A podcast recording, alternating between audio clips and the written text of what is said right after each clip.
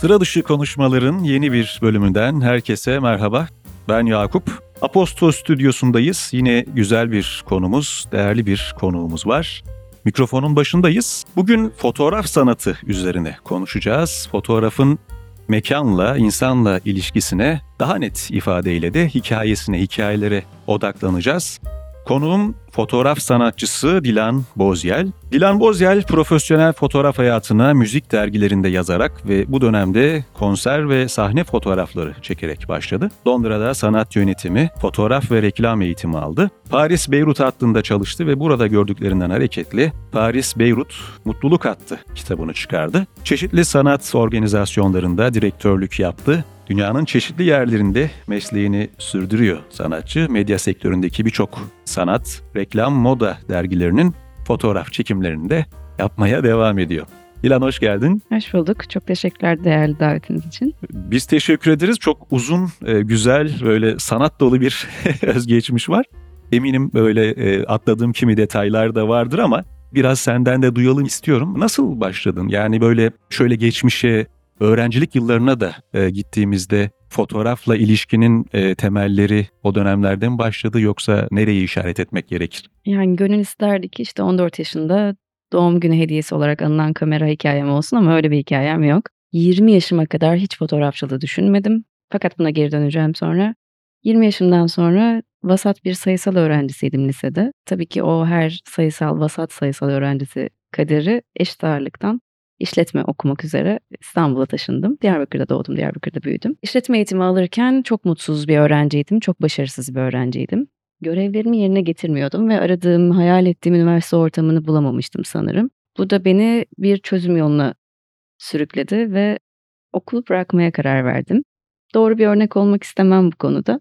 Ama şimdi bakınca evet yapmam gereken şey oydu. O dönemin koşullarına göre. Sonrası çok büyük bir sıkıntı, çok büyük bir depresyon ne yapacağımı bilemiyorum. Kendime karşı sorumluluğumu yerine getiremiyorum. Dünyaya karşı, aileme karşı sorumluluklarım var. En azından ailemi mutlu etmek istiyordum. Bu bütün baskılar bende çok büyük bir sağlık sorununa yol açtı. Verem oldum. Ha, evet, geçmiş olsun. Çocukken teşekkürler. Çocukken Yeşilçam filmleri izleye izleye sanırım bir kodlama olmuş beyinde. Bir yıla yakın karantinada kaldım tek başıma bir odada.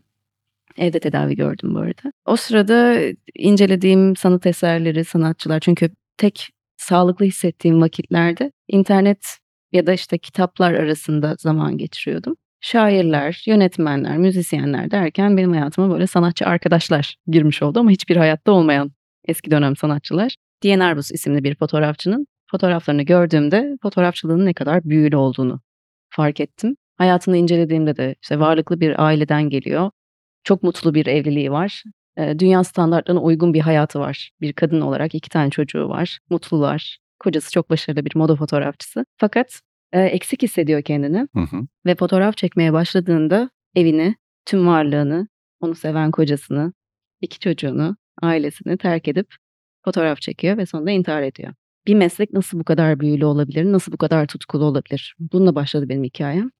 Sonra tabii fotoğraf çekmem gerekiyordu. Merakım buna sürükleyecektir. Fakat fotoğraf çekecek kimseyle görüşemiyordum. Karantina dönemim olduğu için. Kendi fotoğraflarımı çekmeye başladım. Yani otoportrelerimi çekmeye başladım. İyileştiğimde de anneannem Londra'da yaşıyordu. Rahmetli anneannem. Onlar annem Kıbrıslı ve hı hı. savaştan sonra Londra'ya taşınanlardan. Beni yanına çağırdı. Ben de gitmeden bu otoportre serimi bir hikayeye dönüştürdüm ve dosya olarak okullara başvurdum. İki okuldan, bir akademiden bir de üniversite programından onay alınca. Aa, çok güzel. Evet, böyle başladı. Çok güzel hikaye. Hı. Yani hafıza mefhumu bakımından da çok değerli bir. Değil mi? O otoportre ve işte annenin savaştan sonra evet. e, olan hikayesi falan. Peki şeyi anlıyorum bu arada hani e, okul döneminde galiba doğrudan e, bir eğitimcinin ya da bir öğretmenin fotoğrafa ya da sanata dönük bir yönlendirmesi olmadı sanırım. Ya da oldu sen e, çok geç dönemde, senin tabirinle geç hmm. dönemde. Yani fotoğraf disiplini üzerine e, yönlendirme hiç olmamıştı. Belki yaşadığım şehrin de etkisi. Çünkü bildiğimiz tek fotoğrafçı ya vesikalık fotoğrafları hı hı. çeken stüdyolardı ya da Aragüler'di. Aragüler iyi ki vardı. Çünkü aileme ben fotoğraf okumak istediğimi söylediğimde akıllarına Aragüler gibi bir fotoğrafçı başarılı olacaksan izin veririz demişlerdi. Ama bunun dışında başka disiplinlerle çok içli dışlıydım. Zaten 90'larda büyüyen bir çocuk olarak Diyarbakır'da OHAL döneminde büyüdüm ve Körfez Savaşı vardı. Hı hı. Ve sürekli sokağa çıkma yasakları vardı ve çeşitli bir sürü yasak vardı. Gördüğüm görüntüler çok şiddet dolu görüntülerdi. Bir çocuk için çok fazlaydı bence. Dolayısıyla ailem beni bir şekilde ilkokul öncesi, hemen öncesinde ve ilkokul dö- dönemi boyunca hatta 9 yıl süren bir hikayeye sürükledi. TRT Çocuk Radyosu spikerliği yaptım ben. Aa, şahane. Evet, böyle sırada müziğimiz var anonsuyla başlayan. Ondan sonra işte oranın ablası olarak devam ettiğim. Devlet tiyatrosu çok önemliydi. Diyarbakır Devlet Tiyatrosu. Orada e, çocuk oyunlarına katılıyordum. TRT GAP vardı kanal. Hı hı. Oradaki çocuk programlarına katılırdım. Kamera önü olarak. İşte çeşitli görevler verilirdi. Bir de Nazan Kesal, oyuncu Hı hı. Nazan Kesal. O dönem benim büyüdüğüm dönem Diyarbakır'da görev alıyordu devlet tiyatrosunda. Annemin çok yakın arkadaşıydı. Aslında beni tamamen sanata yönlendiren o oldu. Çünkü bütün provalarında yanına alırdı beni. Ben o ahşap güzel tiyatro sahnesinin zemininde köşede oturur izlerdim. Bunun dışında mı Diyarbakır'da olmak, orada büyümek de çok görsel açıdan beni sanırım çok beslemiş olabilir. Çünkü gördüğüm ilk renkler, ilk sofralar, çeşitli e, iki ailenin Kıbrıslı bir aile, Akdeniz ve Doğulu iki ailenin Hı hı. e, kültürel zenginliği de evin her köşesine yansıyordu. Yani bir tarafta Doğulu çok önemli bir ressamın resmi de vardı. Diğer tarafta bir Girne Limanı'nın fotoğrafı da vardı Fotoğrafı gibi. da. Başka neler var? Ha, bir de benim tabii çok önemli. Hatta buraya gelmeden aklıma geldi. Çok uzun zamandır düşün, e, düşünmemiştim hiç aklıma gelmemişti. Çocukken çok yolculuk yapardık biz işte Diyarbakır merkezden hep uzaklaşmak adına. Şehir dışında işte köyler, Hazar Gölü var Elazığ yolunda. Orada Hazar Gölü'ne giderdik. Yani hafta sonunu değerlen aileyle değerlendirmek için ve o yolculuklar bana çok şey kattı. Çünkü işte babamın arka koltuğunda oturup camdan hep dışarıyı izledim. İşte o ayın hep bizi takip ettiğini sandığımız Hı hı. yaşlarda. Bir gün Doğu Ekspresi yani bütün yol rotalar hep tren yoluyla yan yana gidiyor o taraflarda. E, Doğu Ekspresi yanımızdan geçerken yazın sıcağı çok korkunç bir sıcak var. Pencere açık Hı hı. ve trende de e, camlar açık. Evet pencere Sıcak. açık. Herkes dışarıda. Babama yavaşlamasını söyledim. Tren çok hızlı gitmiyordu çünkü. Çok heyecanlı bir şekilde. İşte o radyoyu kıstı. Radyoda Zeki Müren vardı. Kıstı. Tam bir film sahnesi bu. Ve ben e, belime kadar camdan çıktım. El sallamaya başladım. Bütün trenin, bütün pencerelerindeki bütün insanlar bana el sallıyordu. O kadar güzel bir görüntüydü ki o. Muhtemelen bu gibi anılar beni görsel alana yönlendirmiş olabilir diye düşünüyorum. Şeyi düşünüyorum şimdi bu hikayeleri anlatınca galiba fotoğrafçı olmanın da getirdiği bir şey olsa gerek. Gözümüzde canlandırmak da bizim açımızdan kolaylaşıyor. Yani o söylediğiniz tüm anıları, hikayeleri bir nebze olsun biz de gözümüzde canlandırabiliyoruz. Gerçekten hoş hikayeler. Kaydın yani bölümün ikinci kısmında sıra dışı e, sorular dediğimiz kısımda özellikle konuşmak istiyordum ama bu Diyarbakır'da doğup büyümeyi, fotoğraf ve sanata olan destek bakımından biraz daha konuşmak istiyorum. Çünkü e, inanılmaz bir kültürün, medeniyetin üzerine kurulu bir şehir. Her gittiğimde gerçekten çok etkileniyorum. İnsanı e, ayrı güzel, e, kültürü taşıdığı kültür ve hafıza e, ayrı güzel. E, başka bir yerde doğsaydın sence fotoğrafa ya da sanata olan ilgin e, nasıl şekillenirdi? Hayatından daha e, böyle biraz daha provokatif bir soru sorayım. Hayatından Diyarbakır'ı çıkarınca sanat bakımından Yani eğer tarihe geçen bir fotoğrafçı olursam bir gün bu güzel bir film konusu olabilir. Tabii ki bilemem ama yani ben şeye inanıyorum. İnsanın tohumunda varsa bir şekilde o yolunu bulacak ve belki fotoğraf olmayacaktı ya da şöyle fotoğrafta benim alanım gibi olmayacaktı. Daha reklam, moda ağırlıklı çalışan bir fotoğrafçı olabilirdim. Belki batıda bir fotoğrafçı olsaydım. Bununla ilgili de aslında beni yönlendiren ve kırılma noktası çok bağdaştırabilecek miyiz bilmiyorum ama aklıma geldiği için çocuklarla atölyeler yapıyorum küçük çocuklarla Hı hı. ilkokul öncesi. Londra'dan mezun olduktan sonra döndüm buraya ve başladığım yere dönmek istedim. Ve yenilenmiş gözlerimle görmek istedim büyüdüğüm toprakları. Ve doğudaki köylerde çocuklarla çalışırken fotoğrafın ne anlama geldiğini sorduğumda burada hemen atlıyorum. Bir yandan batıda aynı şeyi yaptım. İşte Ege'deki küçük köylerde, kasabalarda küçük çocuklarla çalıştım ve onlara sorduğumda fotoğrafın anlamını mutlu anları anlattılar. İşte düğün, sünnet keza bence hiç mutlu bir an değil ama doğum günleri gibi mutlu anları belgeleyen bir şey olduğunu.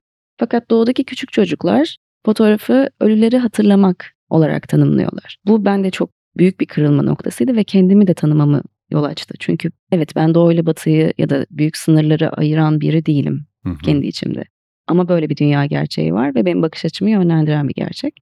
O yüzden buradan yola çıktım sanırım ben. Sert de bir gerçeklik bir yandan. Evet. Yani tabii oradaki çocukların taşıdığı hafıza bir yandan e, aktarılan da bir hafıza. Hı hı. E, dolayısıyla ağırlığı ve kimi nesneleri yorumlamaya da bir şekilde tezahür ediyor gibi. Evet ama bu ağırlığı da biz şu an muhtemelen sen bu senin kadrajından öyle geliyor. Hı hı. Çünkü normalleşen bir şey. Ben Hı hı. çocukken savaş dönemi büyüdüğümü anlattığımda insanların hafif üzülerek baktığını görüyorum ama öyle bir şey değil. Hı hı. Ee, felaketin içinde yaşayanlar aslında o felaketin boyutunu bilmezler, normalleşir. Hı hı. Çünkü başka türlü hayatta kalamazlar.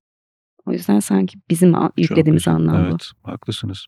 Şimdi fotoğraf yaratıcı bir disiplin ama e, beraberinde böyle kendi dinamiklerini de içinde barındıran e, sanatsal da bir ifade. Ve bu ifade e, işte o veya bu biçimde bizim görme eylemimizle ete kemiğe bürünüyor. Aynı kareye bakarken işte o kareyi farklı yorumlayabildiğimiz gibi bizde uyandırdığı duygu da farklılaşabiliyor. Sen fotoğrafı nasıl tanımlıyorsun ya da fotoğraf hayatın neresinde duruyor sence? Yani fotoğrafı tanımlamak için fotoğrafçı olmak zorunda değiliz bence. Önce bunu söyleyeyim. Çünkü orada fotoğraf illa kamerayla çekilen bir şey değil. Bir düşünce biçimi aslında fotoğraf. Her bir göz kırpmanın süresinin bir fotoğraf olduğunu düşünüyorum. Çünkü bunun ötesi yok. Bu evet böyle düşününce böyle olduğunu anlıyoruz zaten. Hı Ve fotoğraftan uzaklaşmak, uzak kalmak, görmeyi hatta hissetmeyi bırakmak demek. O da yaşam belirtilerinin yok olması demek. O yüzden fotoğraftan ayrı yaşamak çok zor, imkansız. Doğru cevap verebildim mi bilmiyorum ama. Gayet Hı hı. doğrusu var mı bilmiyorum Yok, ama, ama- eee, şey başka bir pencere açıyor söylediklerin. Aslında gündelik hayatın bütün pratikleri fotoğrafa dahil bir Tabii, şey. tabii. Söylediğinden anladığım o. Şimdi Roland Barthes'ın Kamera Lucida'sında bir kısım var. E orada e, görüntü için gerekli koşul görmedir diyor Yanu. Kafka'ya Hı söylüyor. hı. Kafka'da biz nesneleri aklımızdan çıkarmak için fotoğraflarız. Öykülerim gözlerimi kapamanın bir yoludur diyor. Sen de bir söyleşinde fotoğraflarım benim günlüklerimdir diyorsun. Bu günlüğü oluştururken hangi duygu seninle beraber geliyor ve nelerden ilham alıyorsun? İlham konusunda çok tekrarlıyorum bunu hatta. Umarım daha önceden duymuş olanlar sıkılmaz ama çok felaket bir ilham arsızıyım. Yani gözümü açtığım andan uyuyana kadar her şeyden ilham alabiliyorum. Çok şükrediyorum bu bahşedilen bir şey ise eğer. Sıkıntılardan bile. O böyle biraz oyun hali sanırım. Yani zihnimin içinde sürekli bir hayatta kalma çabası ve bir yerden ilham bulduğun zaman hayatta kalabilirsin ve çıkış yolu bulabilirsin. Yoksa pes edersin. Çok beylik sözler söylüyor gibi hissettim kendimi ama bu- bunu düşünüyorum. Dolayısıyla ilham konusunda çok sınırsızım. Yani yalnız başıma da olsam kalabalık içi hiç sevmediğim, hiç istemediğim bir yerde de olsam bir şekilde oradan çıkışı düşünmek bile ilham veriyor bana. Öncesine dönersek belgelemek illa göstermek için değil, e, vitrine koymak için değil ama insanın kendini tanıması gerektiğine dair zaten kendini bilden yola çıkıyoruz hep. Dolayısıyla fotoğraf ispatlayıcı bir belge her alanda ve çok basit bir mantığı var.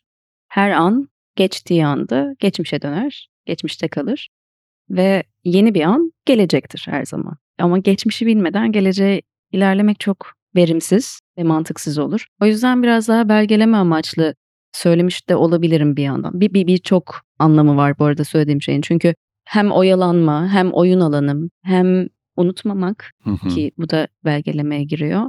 Bir yandan da hayatım o koşturmaca içinde çünkü hani yani sanatçılık, sanatçıcılık da oynasak sonuçta her gün bir şekilde ya fatura ödüyoruz Hı ya işte banka kuyruğuna giriyoruz ya da işte istemediğimiz bir devlet dairesinde e, sıra beklemek zorunda kalıyoruz ve bunların hiçbiri aslında sanatsa dair şeyler değil.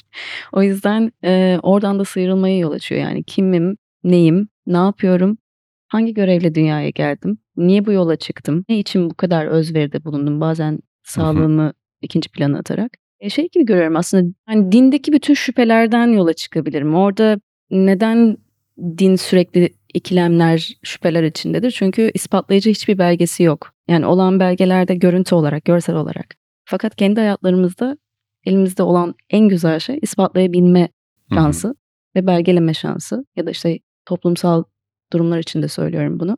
Bunlardan hep yola çıktım. Bağlayabildim umarım. Bağlayabildin gayet. Tam burayla alakalı bir şey soracağım. Çünkü ben yani fotoğrafın bende uyandırdığı his ya da benim fotoğraftan aldığım şey doğrudan bir hafıza mefhumunu taşıyıcısı olması fotoğrafın. Özellikle işte bir takım toplumsal olaylarda da e, bunu e, çokça görüyorum, hissediyorum. Bazen bazı fotoğrafları üzerinden seneler de geçse önüne koyduğun zaman ona dair, o olaya dair, o geçmişe dair birçok şey de canlanıyor zihinde.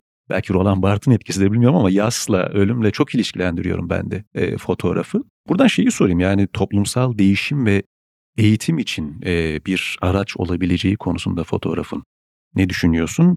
Ve e, biraz da kendi deneyiminden yola çıkarak senin için fotoğraf o dış dünya ile iletişimde ne kadar etken, ne kadar edilgen bir tarafta? Fotoğraf benim iletişim dilim. Yani fotoğrafçılığı kendi hayatımda bulana kadar odaya girmiş ve çıkamamış, yol çıkış yolu bulamamış, sürekli ışığa, pencereye çarpan bir sinektim. O yüzden fotoğrafçılık benim iletişim dilim. Bazen derdimi, özel ilişkilerimde bile. Yani evet bunu bir sevgilime yaptığımı biliyorum. Yani bir, şey- bir derdimi anlatmaya çalıştığımda anlatamıyorsam Hı hı.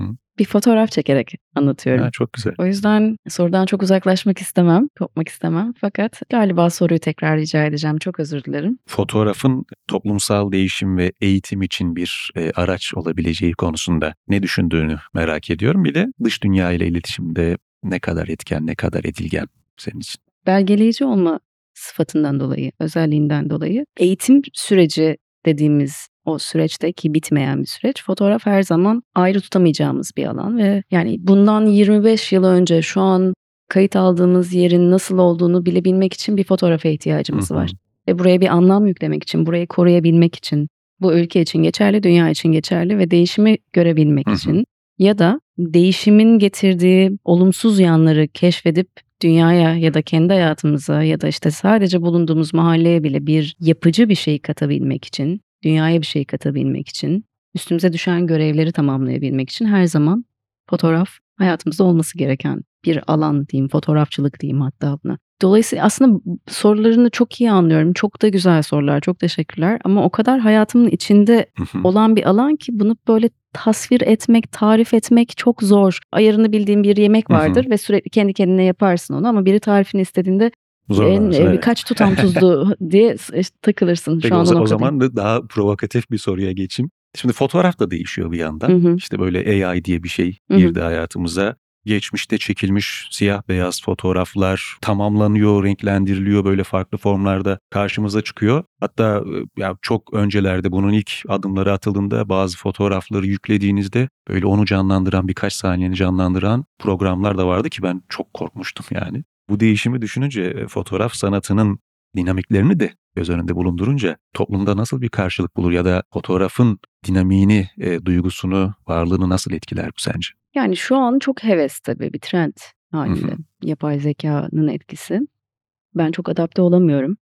Arkadaşlarım sürekli bana gösterip duruyor. Şunu yaptık, bunu yaptık, bunu çektik, bunu çektiniz mi? Bu sizin çektiğiniz bir fotoğraf değil falan diyorum hatta. Yani eğer tarihte yer alan bir fotoğrafı değiştirmekse bu etik değil. Hı hı. Yani bir kadrajı genişletmek bir fotoğrafçının bakış açısına müdahale etmek demektir. Bu da sanatçının yani Picasso'nun bir eserine gidip iki çizgi daha eklemek gibi bir şey bu. O yüzden bunu etik bulmuyorum. Fakat işte deneme yanılma, görelim, hevesimizi alalım aşamasıysa eğer evet herkes denesin. Fakat çok konuştuğumuz bir konu olduğu için bu dönemde arkadaşlarımla da çevremle de duygu eksikliği konusunda çok büyük sorun yaratabilir. Yani zaten bizi teknolojik sanayi de, teknolojik devrimin, internetten sonra hayatımıza giren o devrimin duygularımızda eksilmeye yol açması, işte özgür düşünmeyi engellemesi gibi olumsuz yanlarını çok besleyecek bir alan.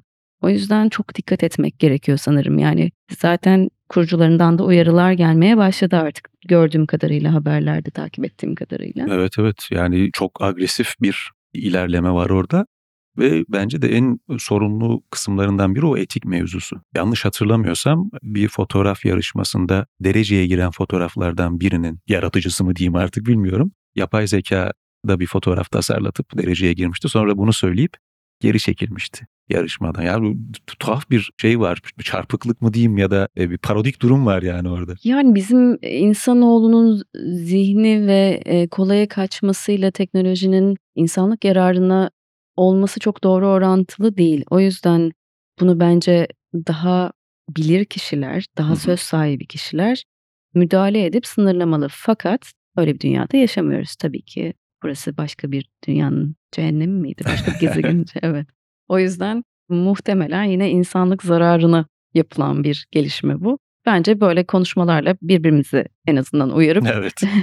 biraz böyle farkındalık sağlamak gerekiyor diye düşünüyorum. Şimdi biz öğretmen ağı olarak e, işte yaratıcılığın, yaratıcı düşünmenin sadece böyle şanslı kimselere ya da şanslı bir azınlığa mahsus olmadığını, herkesin işte çocukluktan beri sahip olduğu bir duygu ya da yetenek olduğunu ama zamanla ona eriştiğimiz düşünce biçimlerinin, bakış açımızın kaybolduğunu söylüyoruz. Buna inanıyoruz. Yaratıcılık için beklenen ilham da aslında yanı başımızda duran şeyleri biraz da görme biçimimizle alakalı diyoruz. İşte yaratıcılık için e, süre gelen bu kalıp yargıları da yıkmak için bizim değişim elçisi dediğimiz etmenlerle çalışmalar yapıyoruz. Onlar yaratıcı problem çözme programında, yaratıcı özgüven festivalinde doğrudan bu konuya dair çalışıyorlar.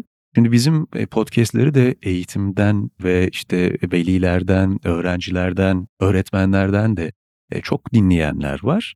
Bir sanatçı olarak onlara, e, öğretmenlere, öğrencilere da velilere yaratıcılıkla ilgili bir tavsiye verecek olsan bu ne olurdu diye sorayım ve son sorumu da iletmiş olayım. Biraz sert tasvir edeceğim ama bağlasan durmaz dedikleri bir durum yaratıcılık. O yüzden şimdi bu kadar çocukluktan bahsedip sonra bugünkü bakış açımla fotoğraftan bahsettim, cevapladım ama çocukluk fotoğraflarıma baktığımda hiç fotoğrafçılığı düşünmemiş, hayal etmemiş olsam da bütün fotoğrafları denklenşöre basarak yani fotoğrafçının taklidini yaparak poz verdiğimi gördüğümde aslında olayın ne kadar açık ama bir o kadar gizemli olduğunu anlamıştım. Çocuklardan yola çıkacağım. Çocukların yaratıcılığı sonsuz ve o kadar büyüleyici ki o klişe cümle işte hepimiz çocuk kalmalıyız. Evet hepimiz çocuk kalmalıyız gerçekten. O çocuğu her zaman orada o yaratıcılığı sürekli beslemeliyiz. Bazen çok basit örnek. Evet oturup çizgi film izlemeye devam etmeliyiz gibi. Güzel çizgi filmlerden bahsediyorum. Biraz daha biz büyürken izlediğimiz çizgi filmlerden. Ee, buradaki kilit benim fikrim kilit fikir şu. Çocukların sıkılmasına izin versinler lütfen. Büyükler için de geçerli sıkılmak kendini keşfetmeye yol açar ve yani 7-24 bir ajanda hazırlanan proje haline gelen bir insanın hiçbir şekilde yaratıcı olacağını düşünmüyorum. Tıpkı yapay zekanın da bize uygulamaya çalıştığı şey gibi. O yüzden ne kadar çok sıkılırsa bir insan o kadar çok yaratıcı olmaya çalışır. Çünkü çıkış yolunu arar. Önemli olan bu çıkış yolunu kaçırmaması gerekiyor. Tabii ki haddimi aşıp öğret öğretmenlerimize akıl vermek gibi algılansın istemem asla. Sadece kendi gördüklerimden, kendi yaşadıklarımdan yola çıkıp neden buraya geldiğimi dönüp baktığımda aslında gördüğüm şey çok sıkıldığım zamanlar olmuş ve oradan çıkmaya çalışmışım ben. Ve galiba bu kadar. Başka bilmiyorum bir biraz notlar da almıştım ama hah, tabii ki şu var. İlla sanatçı olmak için büyümek değil mevzu ya. Başka bir meslek yaparken evet hayat koşulları her zaman hepimizin istediği gibi olmuyor. Başka işler de yapabiliyoruz. Başka zamanlar da harcayabiliyoruz ama sanatın en güzel özelliği herkesin yanında olabilmesi. Bir vergi dairesi memuru olup aynı zamanda çok iyi fotoğraflar çeken bir sanatçı da olabilir bir insan.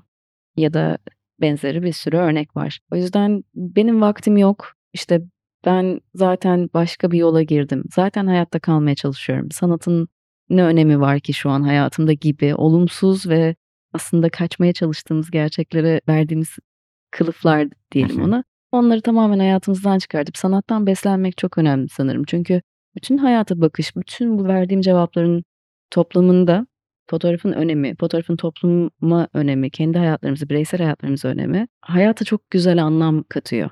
Daha estetik bakmamızı sağlıyor.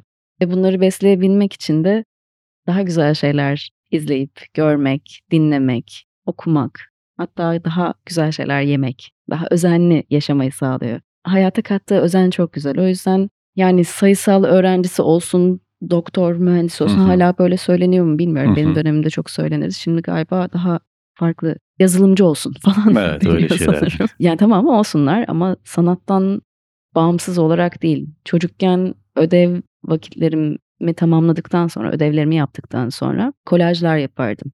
Bir şekilde keşfetmişim, birinden görmüşüm, belki okulda görmüştüm ve böyle babamla hatırlıyorum çok tartışırdık bu konuda. Bana işte şunu yapacağına daha çok ödev yap, bir test daha çöz falan derdi ama şu an oturup konuştuğumuzda iyi ki o kolajları yapmışım diyorum. O da aynı şekilde düşünüyor. Ya süper.